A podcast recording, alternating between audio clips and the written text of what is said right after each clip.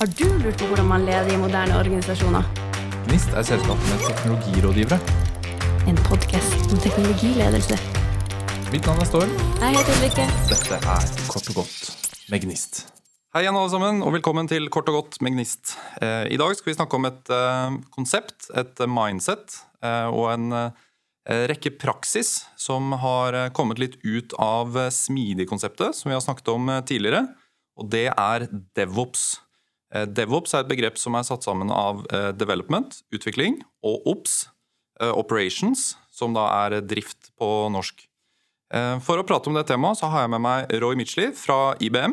Han er smidig coach og løsningsarkitekt, og jeg vil definitivt si DevOps-entusiast. Velkommen, Roy. Hei, Storm. Takk for sist. Veldig hyggelig å treffes igjen. Så Roy, det vi pleier å gjøre på denne podkasten her, det er enkelt og greit. Hva er DevOps? DevOps for meg det handler om som du sa, et tankesett og en kultur. Eh, Det handler om å samarbeide, gjøre hverandre gode, og det å dele ansvar. Eh, Det er viktige ting rundt DevOps. Mange vil nok også tenke på det som mye rundt automatisering og verktøy. Eh, Og det er en sentral del, men kulturbiten av det, dette med å samarbeide, gjøre hverandre gode, og hele tida fokus på å fjerne hindringer, fjerne byråkrati og ting som er unødvendig, eh, er sentralt. Så det som er litt av eh, greia med DevOps, det er som jeg sa, det kommer fra Smidig. Og Smidig var jo en reaksjon på den klassiske Fossvalsprosjektmetodikken. Jeg har litt inntrykk av at DevOps også er en reaksjon på noen ting. Eh, hva tenker du om det? Ja, jeg er enig. Um, Smidig var jo sant, en reaksjon på det at eh, forretning og IT ikke snakka tett nok sammen. Så ved å få inn produkteiere, få tettere kobling mellom IT og, og forretningssiden, eh, fokus på å kunne levere raskere, eh, riktigere med, med, til brukerne. Men så fikk man jo da en eh, effekt av dette at det gikk veldig fort å lage nye ting. Men det gikk jo veldig sent allikevel å få det ut til brukerne. For vi begynte å se at vi hadde jo en ny type silo eller en ny hindring mellom drift og utvikling. For de har litt motstående motsetninger. Eh, utvikling, raskt få nye ting i gang, mens eh, drift eller operations har jo et mål om stabilitet, oppetid, dette skal være trygt og robust. Eh, så vi har noen motsetninger der. Så for å oppsummere liksom DevOps DevOps er et konsept som er litt rart, for det, er, det har liksom kommet fra smidige, som vi har sagt, men det er ingen som har på en måte lagd 'dette er DevOps', sånn her er det. Det finnes flere varianter. Eh, The Phoenix Project-boken nevner jo The Three Ways, som er én måte å tenke på DevOps. Eh, Men den jeg bruker mest, det er CALMS. Det er liksom en, et, eh, et akronym som da står for Culture, Automation, Lean, Measurement og Sharing. Og det er en fin måte å huske de forskjellige elementene. Og siden DevOps på en måte ikke blir at det ikke er noen som har liksom eierskap til det begrepet, så legger folk veldig mye forskjellig i det. Eh, Så før vi begynte den podkasten, ble vi også enige om at eh, DevOps er veldig stort. Det er veldig mye i hele denne Colms-rekka. At vi i dag skal fokusere på kultur. eh, Fordi kulturdelen er ikke nyttig bare for IT-utvikling og IT-drift, men også for alle som egentlig skal gjøre noe sammen. Så hva er problemet med denne silotankegangen som DevOps prøver å bryte ned? Det er, det er jo som jeg nevnte i stad eh, Terminologien kom fra dette med development operations. Eh, motsetningen mot dette å levere noe raskt. Utviklerne sant, ble pusha til å få ting så fort som mulig inn i test og videre. Og så er det mange da som har en eh, krav på seg til stabilitet, oppetid. eh, og de som driver med drift, vil jo ikke ha et dårlig produkt. Det blir masse jobb for dem når de får eh, feil osv. Så, videre. så DevOps handler jo da om å få til dette samarbeidet. Og veldig ofte når jeg snakker om dette, og husker det var en sånn tegneseriestripe jeg så tidligere, som er en god visualisering som mange bruker på det, er jo denne murveggen mellom utvikleren og mellom operations. eh, hvor utvikleren ikke sant, Nå er jeg ferdig med å kode den linja, og nå slenger jeg den over veggen til operations, skal ut i drift, og de vil ikke ta i det. De er livredde for at det blir masse ekstra jobb for dem, og ødelegger det de blir målt på. Så, så i dag så snakker man også veldig mye om dette med å shift left. Få tidligere eh, få inn dette med driftsaspekter. Hvordan skal du understøtte dette produktet eller løsningen du lager, på en god måte? Og da er det jo et samarbeid. Så få med driftsfolk tidligere i utviklingsfasen. Få utviklerne til å skjønne hva som er viktig når man skal uh, ha en stabil og god drift. Uh, handler om logging, monitorering, gode uh, runbooks, som man kaller det. Da, Beskrivelse av hvordan er man drifter, hva er som skjer med denne kan skje med applikasjonen, og hvordan vi håndterer det. Men eh, drift og utvikling de pleier å være litt sånn forskjellige steder i organisasjonen. Utvikling er kanskje pga. smidig nærmere forretningen, mens drift er liksom i IT-avdelingen. Så det er, det er, veldig langt mellom de da, på organisasjonskartet. Hvilke metoder er det man kan bruke for å få til dette samarbeidet? Det er jo der man ser også mer nå. Man snakker om kanskje at et team er et DevOps-team, sånn at du får inn operations, og at teamet også får mer ansvar for deler av drift. Uh, Sånn at, eh, og med den hurtigheten vi ønsker i dag, og med den nye teknologien som også muliggjør mer av dette, så, så er det jo mer plattformer under, og teamene kan få mer ansvar for faktisk å deploye egne ting inn i produksjon og ha mer ansvar. Eh, men da trenger de jo en del av driftskompetansen inn i teamet sitt også. Mm. Så teamene må bygges litt annerledes, eh, rett og slett. Mm. Det jeg tenker på som ofte skaper lite flyt, da, hvis vi ser på det fra et sånt lean-perspektiv, det er disse avhengighetene. Jeg følte du var litt inne på det, med at, eh, vi nå som, at utviklere nå får en plattform som de eh, kan jobbe mot, men at de ikke er avhengige av de menneskene som har laget plattformen. Eh, det er litt som å gå på skytjenester på Amazon. ikke sant? Hvis du trenger trenger noe fra skyen, så trenger du ikke å prate med de ingeniørene som har laget skyen. Du bare profesjonerer opp den serveren du vil ha, eh, f.eks. Um, det handler jo også litt om eierskap. Eh, hvordan kan man få eh, litt mer helhetlig eierskap til eh, mellom IT-drift og IT-ops, tenker du? Jeg, jeg, tenker jo det er mye av det vi også, som er veldig i vinden i dag, om å begynne å tenke på IT-utvikling og levering av IT-systemer som en, i et produktlivssyklus. Da. Som mer er organisert som produkter. Um, med en oppstart, en utvikling, en, en, vedlikehold, og ikke prosjekter som starter og stopper, og du overleverer til drift. For produktet er på en måte ikke, eller løsningen er ikke ferdig, eller uh, den, den, krever vedlikehold, den krever forvaltningen, uh, som er mer enn bare driftsbiten av det. Så da handler det om den organiseringen. Og du var også inne på dette med å ha plattformer uh, som gjør at teamene kan jobbe mer autonomt, få mer helhetlig ansvar for det de har gode API-er, de har gode verktøy til å, til å få til dette. Um, og der er det jo kom for et par-tre år siden nå en bok som heter Team Topologies, um, som er veldig god, som beskriver disse forskjellige teamsammensetningene. Um, og hvordan man bør tenke når man setter sammen team i forhold til hvordan arkitekturen er. Og ikke minst så snakker man om noe som heter cognitive load, som handler om hvor mye er det et team må egentlig ha av kunnskap og kompetanse for å greie å forvalte eller utvikle og drive dette. Så, så det er absolutt en bok å anbefale for å forstå litt mer av, eh, av den biten av det. Jeg, syns også det med cognitive load og team er veldig interessant. For du har jo to ytterpunkter her. Du har eh, det vi kaller komponentteam, som er ett team har ansvar for databasen f.eks., eller frontend, eller, eller en komponent som en del av den større løsningen. Da får de veldig lav kognitiv last, fordi de kan fokusere på den ene tingen. Eh, men de får lite eierskap til totalproduktet. Og så har du den motsatte, som vi kaller feature teams, hvor, hvor, du har team som har kontroll på alle komponentene, kan gjøre alt av koding og testing selv. De får litt bredere kognitiv last, men du får mer felles eierskap. da. Um, så her må bedriftene tror jeg, finne en balanse. Ja. Og, det, det, er ofte det. og eh, i hvert fall i større systemer som krever flere team som samarbeider, så vil du nok ha kombinasjonen. Du har noen team som er mer, kan bygge den funksjonelle reisen og, og, den være et sånt funksjonelt team, mens du har noen team som må være mer komponenter. Og så har du også det de snakker om i den boka, som de kaller et plattformteam.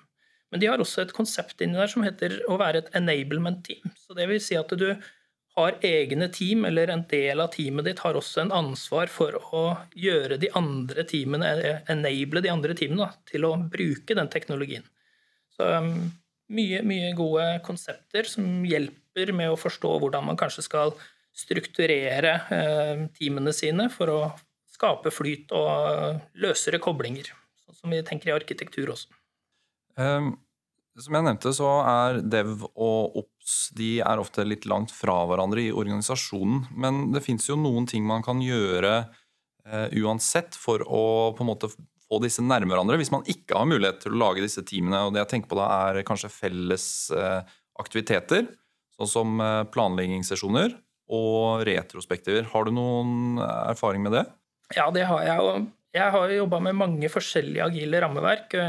En av de jeg har jobba litt med det siste, er jo dette Safe-rammeverket, som er et større rammeverk. Veldig beskrivende. Um, og av mange så tolkes det også som at det er ikke særlig agilt. Uh, men det handler om mindset og kulturen man bruker.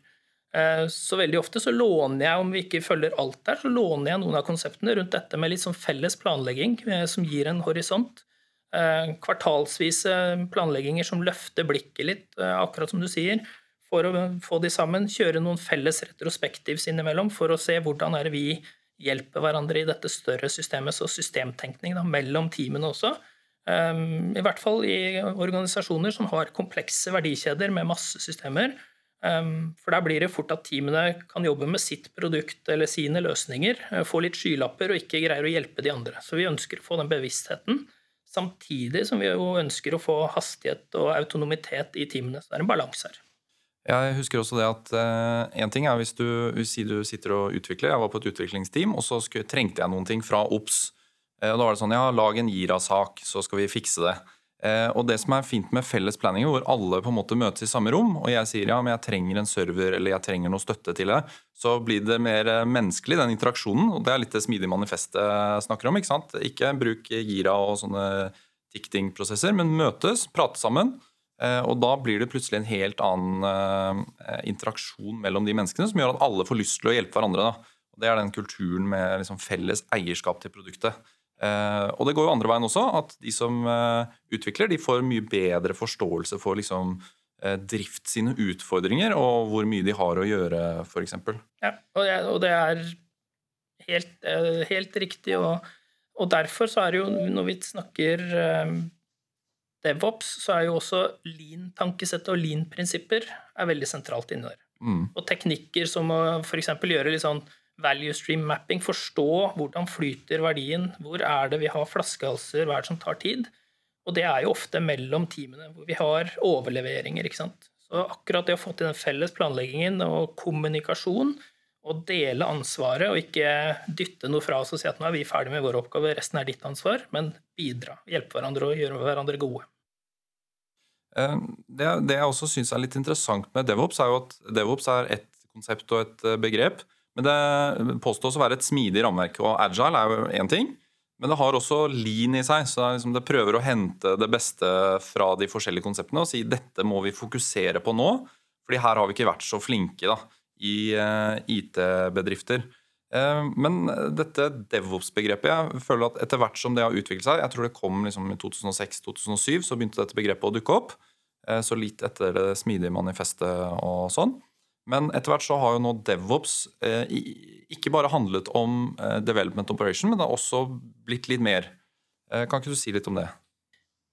Jo, det er jo som vi sier, ikke sant, når du snakker om Calms osv. med kultur og hele biten, så, så er det jo, hvis vi tenker DevOps og drar den litt videre, da, så er, handler det jo om hele verdikjeden fra man identifiserer et behov eller forstår at det her kan vi hjelpe til å lage en eller annen løsning, en ny funksjonalitet til brukerne, til dette faktisk er levert. Og Da handler det jo om arkitektur, det handler om sikkerhet, det handler om forretningen. Så, så man har jo noen snakker om BizDevSecOps og putter inn um, i, i, det begrepet. Men, men, det er jo det vi tenker på med det. Og som du sa, det starta mellom development og operations. Det handla veldig mye om uh, type praksis som kom fra uh, extreme programming, med continuous integration, shared code responsibility, den type ting. Automatisering og sånt noe. Stort fokus. Det er sentralt.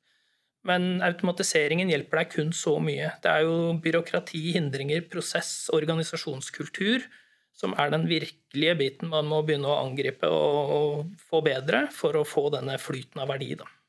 Det virker som at flere har skjønt at det å bryte ned siloene og få felles eierskap for det man skal lage, er uh, veldig nyttig. Vi, jeg var på et kurs hos deg en gang, eh, Roy, når du holdt et DevOps-kurs. Det var et praktisk DevOps-kurs. Eh, veldig kult. Vi så på CICD pipeline og en del sånne ting. Men eh, det jeg husker du snakket om der, det var det vi kaller en sånn DevOps toolchain. Altså en nøkkelknippe med verktøy som er veldig nyttig. For lytterne våre nå som på en måte ikke har vært borti DevOps, hva er liksom de store programtypene man bør kanskje se på hvis man er interessert i DevOps? Ja. Det, handler jo, som du sier, den toolchain-biten, og det handler jo om automatiseringen og verktøy rundt det. Eh, et av de verktøyene som har vært veldig populært i mange år nå, er jo Jenkins som et automatiseringsverktøy. Har masse eh, verktøy knytta til seg. Eh, det vi ser nå, når vi begynner å komme inn i enda mer containerbaserte og containerorkestrerte systemer, Kubernetes og den type ting, så er ikke nødvendigvis Jenkins det absolutt beste verktøyet i en pipeline. Nå finnes det det er noe som heter Tekton, som er et rammeverk hvor du bruker mer Kubernetes native-løsninger. Um, både Git og GitLab har egne actions og, og runners, som er hvor du kan bygge pipeline tettere integrert i, i kodemiljøet ditt. Så, så, det er mange alternativer. Jeg tror det som er viktig her, er altså finne noen verktøy, prøve dem ut, men også ikke låse seg. Eh, være åpen for å forbedre, teste ut nye ting. Eh, og mest sannsynlig så vil en sånn full pipeline som det, som ofte består av en continuous integration-del og en continuous deployment-del, være forskjellige verktøy. Ehm, noe som er veldig rundt dette med deployment-biten og sånn, så er det et begrep som heter GitOps, som er blitt veldig populært. Og det handler jo om at sannheten din for infrastruktur for applikasjoner ligger eh, lagra i Git. Det vil si, du skal ikke inn og røre konteineren eller tukle på en server. Du endrer filene, manifestfilene, og dette skjer automatisk. Så Argo CD er et populært verktøy der. som handler om mot eh, Kubernetes. Eh, så da vil du kanskje bruke en, en eh, continuous integration med Tekton eller en GitLab runner til å begynne. Og så er det Argo CD som håndterer selve deploy ut i miljøene dine. Veldig kult. Og så vil jeg også minne lytteren på at selv om DevOps er veldig sentrert på utvikling og deployering av kode i drift, så er det også det med automatisering. Det kan hjelpe alle. Så tenk dere om. Eh, sitter dere mye i Excel og gjør manuelle operasjoner, uansett om det er markedsføring eller data science eller eh, analyse eller powerpointer, ta og tenk på om automatisering er noe som passer der dere jobber. Eh, men Roy, eh, hvis det er noen lyttere nå som sitter hjemme og tenker ok, DevOps, det her hørtes litt eh, kult ut, men jeg vet ikke hvor jeg skal begynne, hva skal jeg gjøre for noe? Hvilke tips har du til de? Det er vel begynne å lese litt om tematikken. Et godt sted å begynne er en bok som heter Phoenix Project. Den har vært ja, populær i mange år. Det er en novelle som handler om akkurat dette med en bedrift som får problemer med å levere raskt nok og oppdatere systemene sine. Ehm, den, handler, den boka dreier seg fryktelig mye om operations-siden, egentlig, eller mye av dette.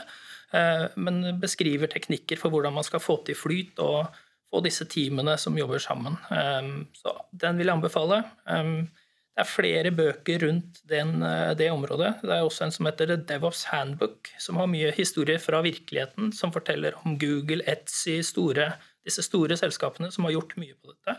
Hvor man òg kan få en god del tanker og ideer um, til hvordan man kan begynne, og hvilke prinsipper og sånt som er viktig å få med der.